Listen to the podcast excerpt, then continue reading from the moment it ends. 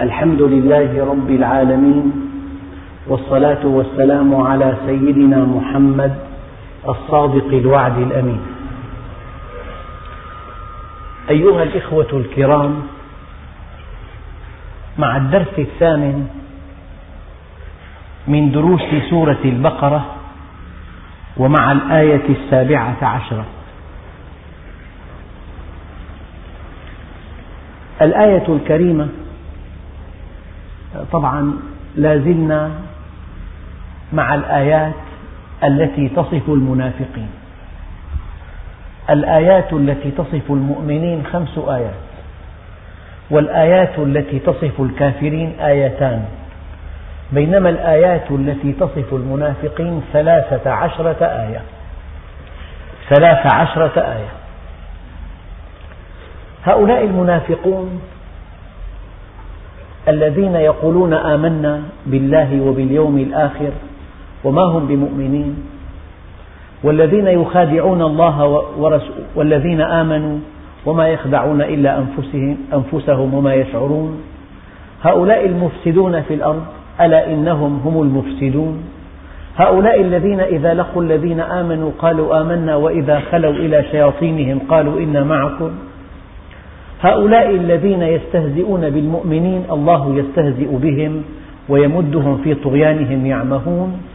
أولئك الذين اشتروا الضلالة بالهدى فما ربحت تجارتهم الأصل هناك علاقة تجارية. تدفع شيئا وتقبض شيئا. فالمؤمن ربحت تجارته مع الله. بينما المنافق خسرت تجارته مع الله. هذا هذه الآيات شرحت في درسين سابقين. نصل الآن إلى قوله تعالى مثلهم كمثل الذي استوقد نارا. فلما أضاءت ما حوله ذهب الله بنورهم وتركهم في ظلمات لا يبصرون. أما كلمة مثلهم أراد الله جل جلاله أن يضرب لنا مثلا للمنافقين. والمثل آه، صورة حسية واضحة جدا تنطبق على حقيقة معنوية معقدة. فالمثل طريقة في التعبير رائعة وطريقة في التعبير واضحة وطريقة في التعبير قريبة وطريقة في التعبير صادقة. أحد أساليب القرآن الكريم الرائعة في توضيح الحقائق وتجلية الأمور طريقة المثل. مثلا مثل الذين حملوا التوراة ثم لم يحملوها كمثل الحمار يحمل أسفارا ضع على ظهر الحمار كتبا قيمة وسر به وهي عليه مسافة طويلة. ثم اسأله عن بعض الحقائق التي في الكتب. لا يزيد عن أن ينهق. لم يفقه شيئا. يعني علاقة هؤلاء الذين أوتوا الكتاب ولم يفهموا مضمون هذا الكتاب ولم يعملوا به كعلاقة هذه الدابة البهيمة بكتاب حمل على ظهرها. مثله كمثل الكلب. إن تحمل عليه يلهث وإن تتركه يلهث يعني جائع جوعان مرتاح متعب يلهث هذا مثل آخر ضربه الله عز وجل. ومن اللطيف جدا أن نرجع إلى القرآن الكريم لنرى هذه الأمثال الرائعة التي ضربها توضيحا لبعض الحقائق. النبي عليه الصلاة والسلام في أحاديث كثيرة استخدم أسلوب المثل فشبه الجماعة بأنهم ركاب سفينة واقتسموا أماكنهم. بعض من هؤلاء الركاب أراد أن يخرق مكانه ليأخذ الماء سريعا. قال فإن أخذوا على يده نجا ونجوا وإن تركوه هلك وهلكوا. مثل رائع. في المسؤولية الجماعية. نحن في قارب واحد. فإذا أراد بعضنا أن يخرق المساحة التي له من هذا القارب يهلكنا جميعا. فإن أخذنا على يده نجونا جميعا وإن تركناه هلكنا جميعا. هذا من أمثلة النبي عليه الصلاة والسلام. قال الصلاة عماد الدين. خيمة فيها عمود يبرز كيانها. فإذا أزيح العماد أصبحت الخيمة قماشا ملقا على الأرض. لا يظهر كيان هذه الخيمة إلا بالعماد الذي في وسطها. الصلاة عماد الدين. من أقامها فقد أقام الدين ومن تركها فقد ترك هدم الدين. آيات كثيرة فيها أمثلة صارخة. وأحاديث كثيرة فيها أمثلة صادقة. وأحيانا يستخدم الدعاة طريقة المثل وهي من أروع الطرق في توضيح الحقائق. أيها الإخوة إن أردت أن تعلم أو أردت أن توضح أو أردت أن تلقي الحقيقة فاستخدم المثل لأن المثل أسلوب قرآني وأسلوب نبوي وليس هناك من عمل أعظم من أن تقلد الأسلوب القرآني والأسلوب النبوي. هؤلاء المنافقون لأنهم أحبوا الدنيا ولأن حب الدنيا رأس كل خطيئة. أحبوا الدنيا وجعلوها نهاية آمالهم ومحط رحالهم وبذلوا جهدا جهيدا من أجلها. فأسسوا وبنوا ومكنوا أنفسهم في الأرض. فلما أرادوا أن يقطفوا ثمار هذا الجهد الطويل هذا الجهد الجهيد هذا الجهد الذي استغرق من حياتهم مثلا أربعين عاما أو ستين عاما فجاءهم الموت وأخذ منهم كل شيء في ثانية واحدة. مثلهم كمثل الذي استوقد نارا. استوقد. وزن استفعل في اللغة. وزن يعني الطلب طلب النار. طلب النار لتضيء له حياته. يعني طلب المال طلب العز طلب المكانة العالية طلب الجمال طلب البيت المريح طلب المركبة هذه طلباته. استوقد نارا من أجل أن تنير له فبعد جهد جهيد وعمل وعمر مديد وعمل مضن تألقت النار وأضاءت له ما حوله. فجأة جاء ملك الموت وأخذ منه كل هذا الجهد وكل هذه المكتسبات. وهذا حال المنافقين. ليس لهم في الآخرة رصيد. كل رصيدهم في الدنيا. كل البيض في سلة واحدة. فإذا أخذت منه هذه السلة فقد كل شيء. المنافق ليس له مستقبل أبدا. له حاضر قد يكون رائع جدا. وإذا رأيتهم تعجبك أجسامهم تعجبك, تعجبك أجسامهم. وإن يقولوا تسمع لقولهم كأنهم خشب مسندة. ماله وفير. مكانته علية. لكن ليس له مستقبل. كل ما عنده من مال كل ما عنده من وجاهة كل ما عنده من مكانة كل ما عنده من أساليب يستمتع بها بمباهج الحياة الدنيا منوطة بقطر شريانه التاجي منوطة بسيولة دمه منوطة بنمو خلاياه فإذا اضطرب نمو خلاياه فقد كل شيء. وإذا ضاق شريانه التاجي فقد كل شيء. وإذا تجمد دمه في مكان ما فقد كل شيء. مثلهم كمثل الذي استوقد نارا يسعى ويعمل ويسهر ويسافر ويؤسس ولا ينام الليل ويخاصم من أجل الدنيا فقط من أجل المال. من أجل المكانة فإذا أضاءت ما حوله بدأ يقطف ثمار عمله. فجاءه الموت في أحرج الأوقات بل في أوج تألقه في أوج استمتاعه بالدنيا. فجاءه الموت بعد أن انتهى من إنشاء العمارة بعد أن انتهى من تحصيل هذه الشهادة. بعد أيام من زواجه بعد سنوات من تألقه. وهناك آلاف الأمثلة آلاف الأمثلة. إنسان سعى في بناء بيت سنوات طويلة. فلما انتهى البيت أيام فاجأه الموت. يعني أخ كريم حدثني إنسان اشترى بيت في مكان جميل. واعتنى بكسوته عناية تفوق حد الخيال. وجاء بأغراضه ليستقر في هذا البيت. وجاء بالوجبة الثانية والوجبة الثالثة وبقي جهاز ينبغي أن يركب في بيته.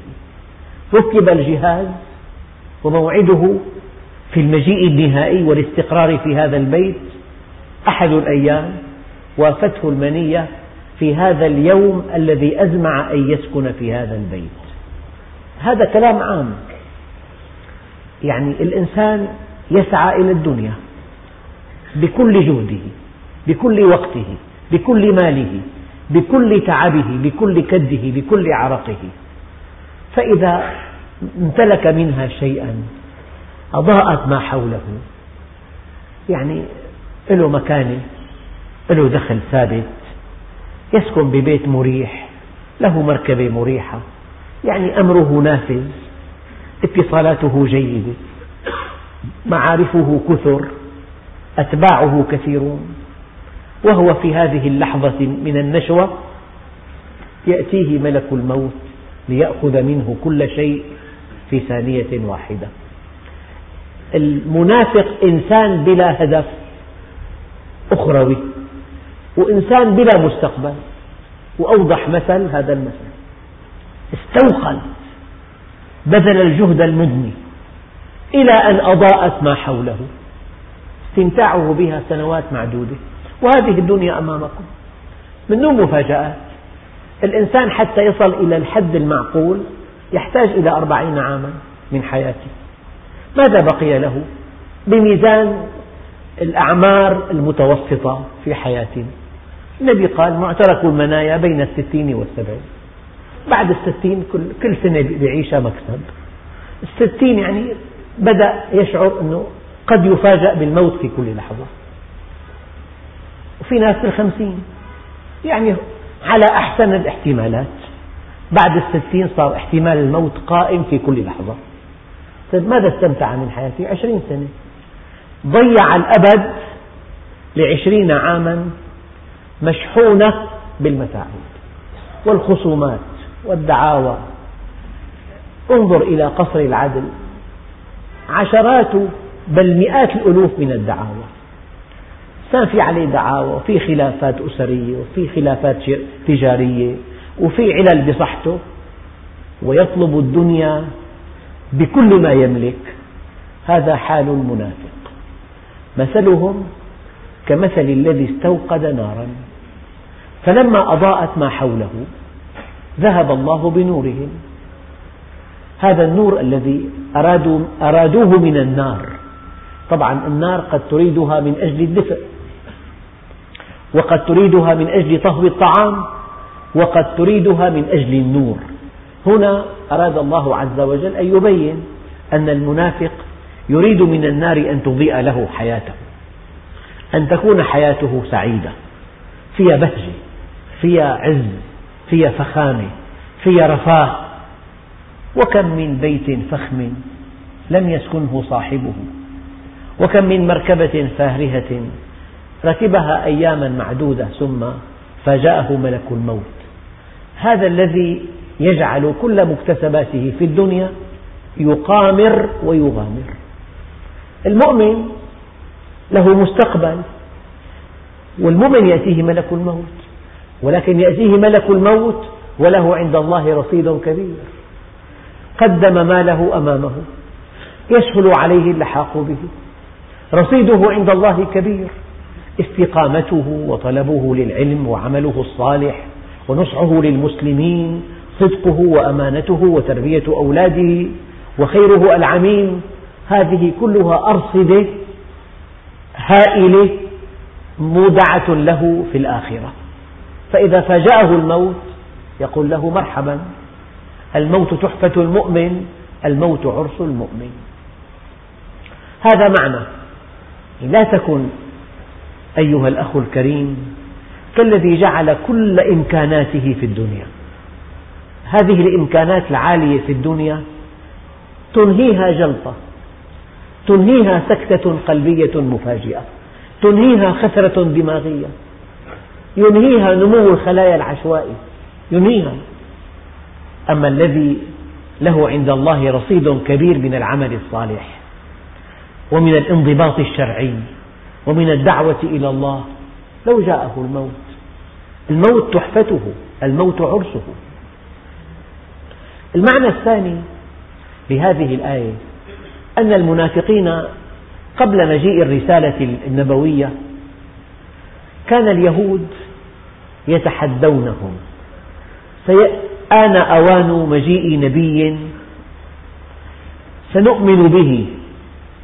فالمنافقون أرادوا أن يؤمنوا بهذا النبي ليتحدوا اليهود الذين بشروهم بهذا النبي. فلما جاء النبي عليه الصلاة والسلام هم كانوا ينتظرونه. هم كانوا يبحثون عنه كي يردوا على كيد اليهود. وكي يقفوا أمامهم يعني ندا لند. فلما جاء النبي عليه الصلاة والسلام كذبوا به. هم استوقدوا نارا. فلما أضاءت ما حوله ذهب الله حينما رفضوا دعوة النبي أذهب الله نورهم الذي كان من الممكن أن يرشدهم إلى طريق السعادة في الدنيا والآخرة. وفي معنى ثالث أن هؤلاء الذين هؤلاء المنافقون هم في الحقيقة كفار ولكن مصالحهم تعلقت مع المؤمنين فأعلنوا إسلامهم وأخفوا كفرهم وهؤلاء أرادوا الدنيا فقط هؤلاء انتفعوا بكفرهم ولكنهم يفترقون عن الكافرين بأن لهم مصالح مع المؤمنين. فأظهروا ما لا يبطنون وأعلنوا ما لا يسرون. لذلك الدليل على ذلك صم بكم عمي فهم لا يرجعون. هذه منافذ الإيمان. صم أصم لا يسمع. إن في ذلك لذكرى لمن كان له قلب أو ألقى السمع. أو ألقى السمع. الإنسان إذا أصغى إن تتوبا إلى الله فقد صغت قلوبكما. الإنسان إذا أصغى للحق المنافق لا يصغي. قد يجلس في مجلس علم لأنه واعد شخص. قال له بالجامع نلتقي يجلس ويستمع إلى الدرس كله ولا يفقه منه شيئا. لأنه ليس هناك. هو في واد والدرس في وادي آخر. صم وقد تجلس وتحدثه عن الله يتثاءب يتشاغل. ذهنه في أسعار العملات في الصفقات في الدرهم والدينار في النساء. فأنت إذا حدثته بحديث مصيري وخطير أنت في واد وهو في واد آخر. صم. لذلك أهل النار يوم القيامة يقولون لو كنا نسمع أو نعقل ما كنا في أصحاب السعير. لو كنا نسمع أو نعقل ما كنا في أصحاب السعير. والقرآن الكريم لا يرى أن الاستماع هو أن تعطي أذنك للقائل. الاستماع الذي أراده الله هو الذي يعقبه تطبيق. الاستماع الذي أراده الله هو الاستماع الذي يعقبه تطبيق. ولا تكونوا كالذين قالوا سمعنا وهم لا يسمعون لا يسمعون. فمصيبة كبيرة أن يأتي الإنسان إلى درس علم وأن يسمع كلاما خطيرا متعلقا بمصيره وألا يأبه له. هو لم يسمع شيئا. هذه علامة الأصم. في آذانهم وقر وهو عليهم عمى أولئك ينادون من مكان بعيد. فالمنافق أصم. صم بكم. لا يسأل. الأمر لا يعني إطلاقا. لا يسأل ولا ينطق بالحق. لا ينطق بالحق من باب أولى. شيء طبيعي. منافق كافر. إلا أنه لا يسأل. في لسان لا يستخدمه إلا للدنيا. للغيبة والنميمة للحديث عن النساء للحديث عن مظاهر الدنيا. صم بكم عمي لا يرى الحقائق. لا يرى الآيات. الآيات الدالة على عظمة الله لا يراها. أفعال الله عز وجل التي تهتز لها القلوب لا يراها. صم بكم عمي. قال فهم لا يرجعون. كيف يرجعون؟ وهم على ما هم عليه؟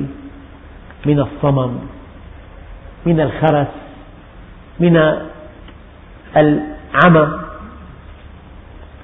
فأول معنى لهذه الآية أن المنافق يبحث عن الدنيا ولا يعنيه إلا الدنيا لا تعنيه إلا لا يعنيه من الدنيا إلا الدرهم والدينار. إذا جمع الدرهم والدينار اشترى البيت الفخم. والمركبة ورفه نفسه رفاه عالي جدا. ثم يفاجأ أن كل هذا التعب ذهب أدراج الرياح. حدثني طالب قال لي إلي خال عنده دار سينما. فجمع والقصة قديمة جدا يمكن القصة يعني بالستينات. قال لي جمع خمسة ملايين بالستينات يعني خمسمئة مليون. من أجل أن يعيش في خريف عمره في بحبوحة كبيرة ويستمتع بالدنيا. فجاءه مرض خبيث وهو في سن مبكر فصار يبكي وهو على فراش الموت. قال لابن أخته وهو طالب عندي قال له جمعت هذا المال لأستمتع به؟ فلم يتح لي أن أستمتع به. هذا قصة متكررة. قصة متكررة. أيها الإخوة الكرام المنافق يسعى للدنيا. حبك الشيء يعمي ويصم. والدنيا تغر وتضر وتمر. يعني بيروا قصة ذكرتها لكم كثيرا أنه إنسان أراد أن ينتحر. يعني قصة رمزية جاءه ملك الموت دله على طريقة يغتني بها. أصبح غنيا جدا. ثم أتيح له أن يتزوج بنت الملك ثم أصبح زوج بنت الملك. فجاءه الملك الموت وهو في يوم عرسه قال له الآن خذني من قبل يوم كنت مزمع أن أنتحر من أجل الدرهم والدينار. الموت يأتي في وقت غير مناسب أبدا في وقت غير متوقع. وهذه من حكمة الله عز وجل. أما المؤمن مستعد للقاء الله عز وجل. أهلا وسهلا. يعني أناس كثيرون من أهل الإيمان يأتيهم ملك الموت وهم في أحلى حالاتهم. وهم على شوق له. مثلهم كمثل الذي استوقد نارا. فلما أضاءت ما حوله ذهب الله بنورهم وتركهم في ظلمات لا يبصرون. صم بكم عمي فهم لا يرجعون. كيف يرجعون؟ أدوات الرجوع معطلة. أداة السماع الأذن صماء. أداة رؤية الآيات في عليها غشاوة. أداة طلب العلم معطل. في نموذج آخر من المنافقين. الأولون كفار. صم بكم عمي. فهم لا يرجعون. أما الصنف الثاني يعني ضعفت نفوسهم أو آه، اشتبهت عليهم الأمور. هؤلاء منهم خير. أو كصيب من السماء هذا الدين كهذا السحاب كله خير. لك سحابة 300 مليون طن من الماء سوف تنزل على الأرض. سوف تصبح عشبا أخضر محاصيل أشجار مثمرة ينابيع فوارة. الماء هو أساس الرزق. أو كصيب من السماء. لكن هذا السحاب يحجب أشعة الشمس. أيام الشتاء أيام الشتاء غائمة. وقد يسمع الإنسان صوت رعد فينخلع قلبه. وقد يرى ضوء برق فيخطف بصره. المنافقون ما رأوا ما في هذه السحاب من الخير أزعجهم الغيم الذي حجب أشعة الشمس. أزعجهم صوت الرعد أزعجهم وميض البرق. هذه أزعجتهم فرفضوا هذه السحابة. يعني في الإسلام في غض بصر في دفع زكاة. في ضبط لسان في قواعد في صلوات في صيام في انضباط. فهذه التكاليف أزعجتهم فرفضوا كل الدين. أو كصيب من السماء فيه ظلمات ورعد وبرق. يجعلون أصابعهم في آذانهم من الصواعق حذر الموت. والله محيط بالكافرين. يعني الذي يميزهم عن الأولين هو قوله تعالى ولو شاء الله لذهب بسمعهم وأبصارهم إن الله على كل شيء قدير. يعني هؤلاء يريدون من الإسلام مكاسبه لا متاعبه. يريدون المغانم لا المغارم يريدون أن يعتزوا بالإسلام أن يقطفوا ثماره دون أن يدفعوا الثمن. هؤلاء حالهم مع الإسلام أو كصيب من السماء فيه ظلمات ورعد وبرق. تكاليف. الإسلام فيه تكاليف. لذلك الفرق الضالة دائما تخفف التكاليف. قاعدة. الفرق الضالة دائما تؤله الأشخاص. تعتمد النصوص الموضوعة والضعيفة. ذات نزعة عدوانية. أو كصيب من السماء فيه ظلمات ورعد وبرق. المؤمن يصلي الفجر حاضرا يقرأ القرآن يضبط لسانه ينفق من ماله يربي أولاده يجهد في نموذج آخر نموذج مستمتع بالحياة. إنسان يعطي إنسان يأخذ إنسان يسترخي إنسان يجهد. يجعلون أصابعهم في آذانهم من الصواعق حذر الموت. يعني الموت ينخلع له قلبه. هناك أناس يكرهون القرآن لماذا؟ لأنه يتلى في مناسبات الحزن. كأن القرآن يذكرهم بالموت. هناك أناس يكرهون بعض النباتات لأنها توضع على القبور من شدة تعلقهم بالدنيا. يكرهون كل شيء يذكرهم بالآخرة. حتى في بعض البلدان الآن لا ترى فيها جنازة إطلاقا. من المستشفى بسيارة إسعاف إلى المقبرة. لا ترى فيها نعوي على الجدران. بلاد كثيرة إسلامية. نعوات ممنوعة. الجنائز ممنوعة. لا ترى الموت إطلاقا.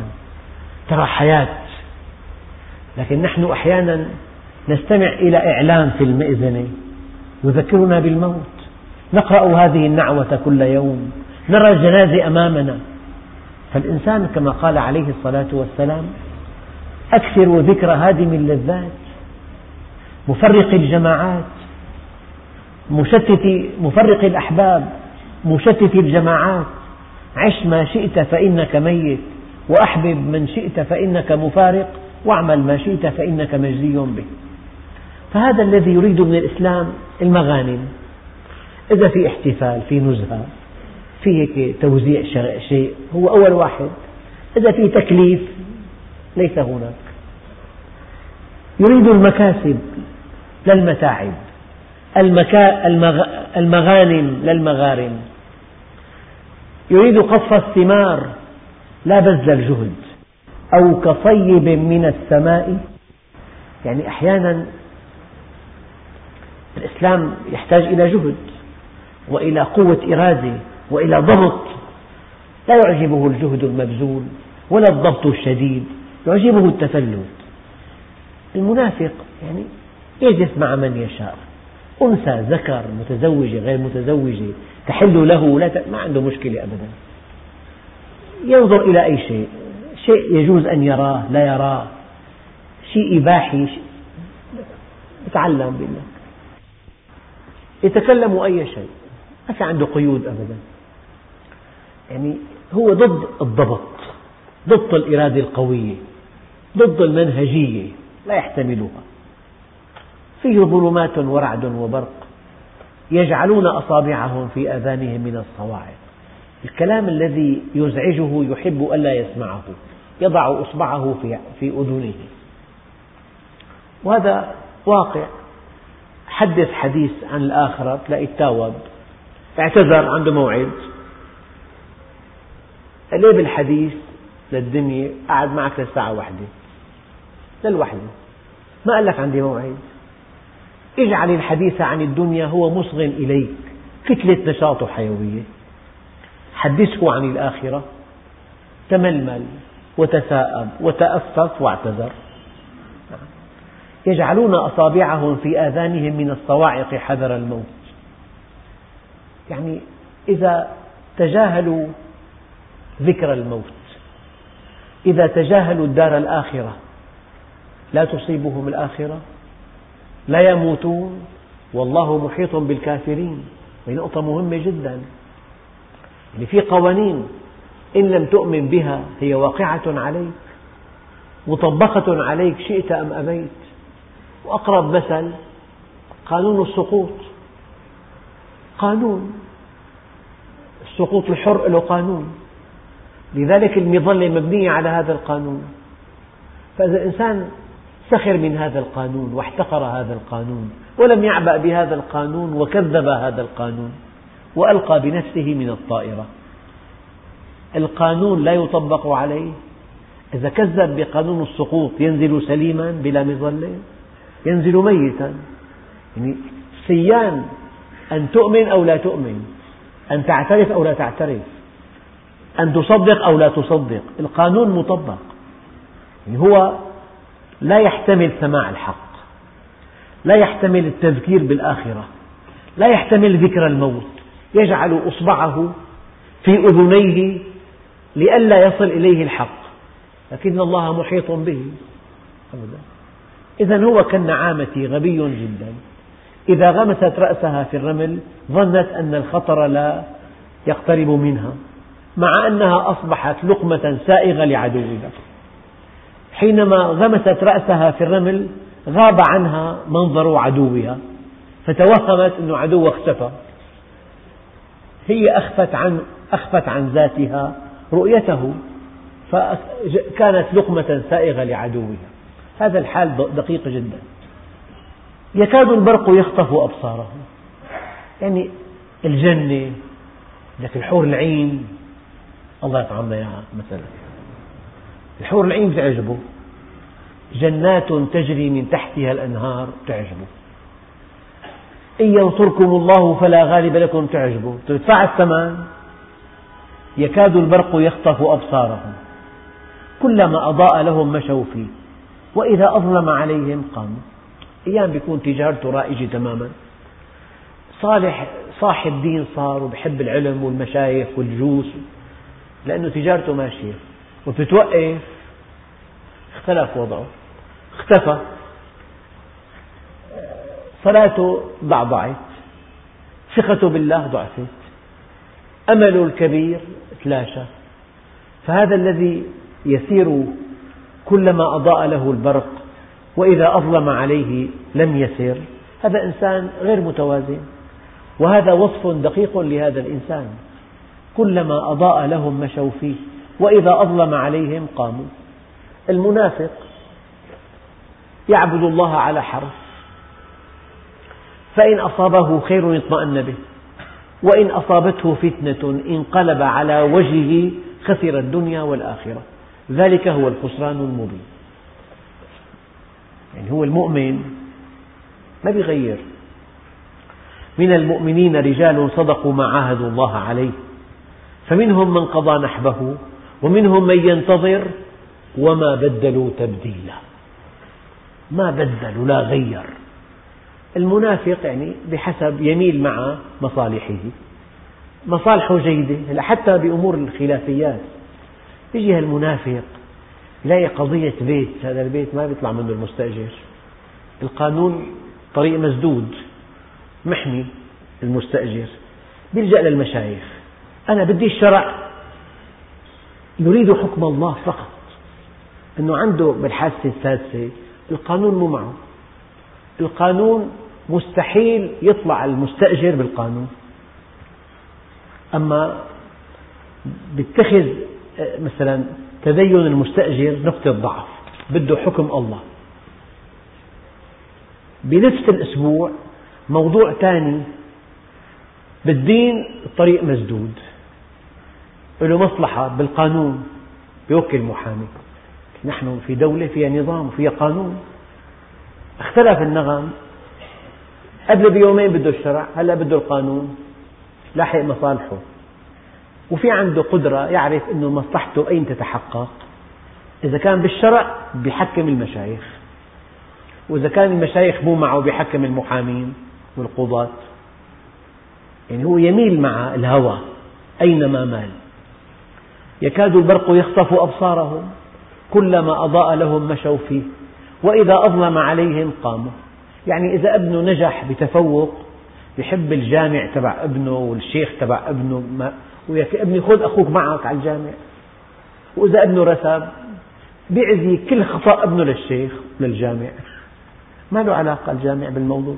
ابنك مقصر مثلا. ما في عنده حل موضوعي. يعني يميل مع مصالحه. وإذا أظلم عليهم قاموا ولو شاء الله لذهب بسمعهم وأبصارهم. يعني فيهم بقية خير.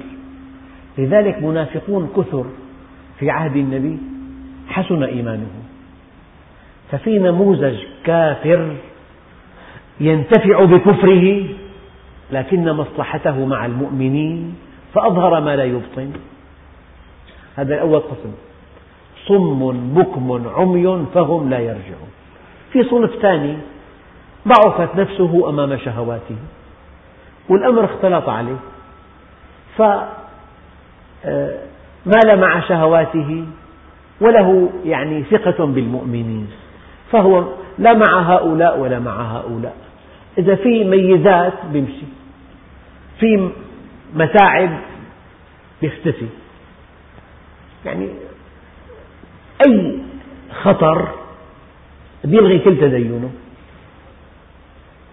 قد يدع الصلاة.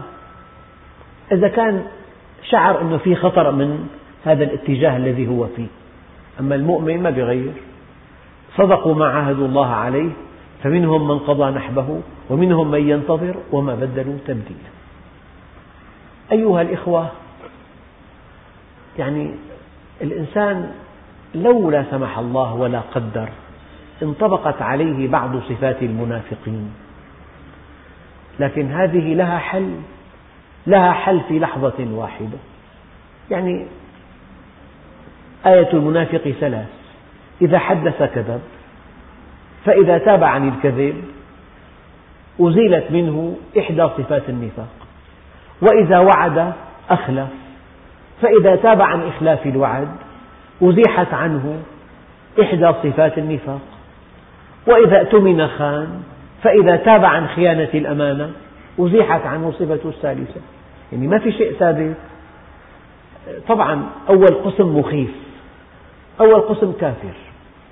أما القسم الثاني يعني في أمل كبير إذا في خطأ في تقصير في ازدواجية في سر وفي جهر أي يصلح هذا وأي يبدل لذلك الإنسان كان أصحاب النبي عليهم رضوان الله. وهم على ما هم عليه من قمم وهم على ما هم عليه من مرتبة عالية كان أحدهم يتهم نفسه بالنفاق.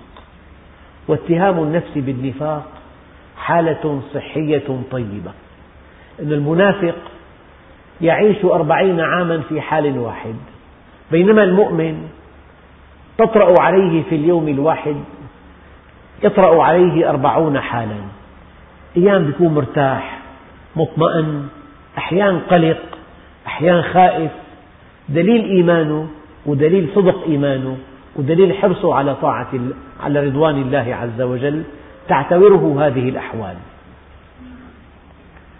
أيها الإخوة الكرام مطلع هذه السورة مهم جدا لأنه في الناس رجلان مؤمن وكافر. أما الثالث محير. تظنه مؤمنا وهو ليس كذلك. وهؤلاء الصنف الثالث بعضهم منتمون إلى الكفار قطعا. وبعضهم يعني يمكن أن يصلح حالهم وأن يعودوا إلى صف المؤمنين. ولا أدل على ذلك من أن, من أن النبي عليه الصلاة والسلام لم يفضح المنافقين سترهم. لكنه أعطى أسماءهم لسيدنا حذيفة رضي الله عنه. والشيء الذي لا يصدق أن سيدنا عمر عملاق الإسلام قال له يا حذيفة بربك اسمي مع المنافقين. من شدة خوفه من الله ومن شدة حرصه على رضوان الله. والحمد لله رب العالمين.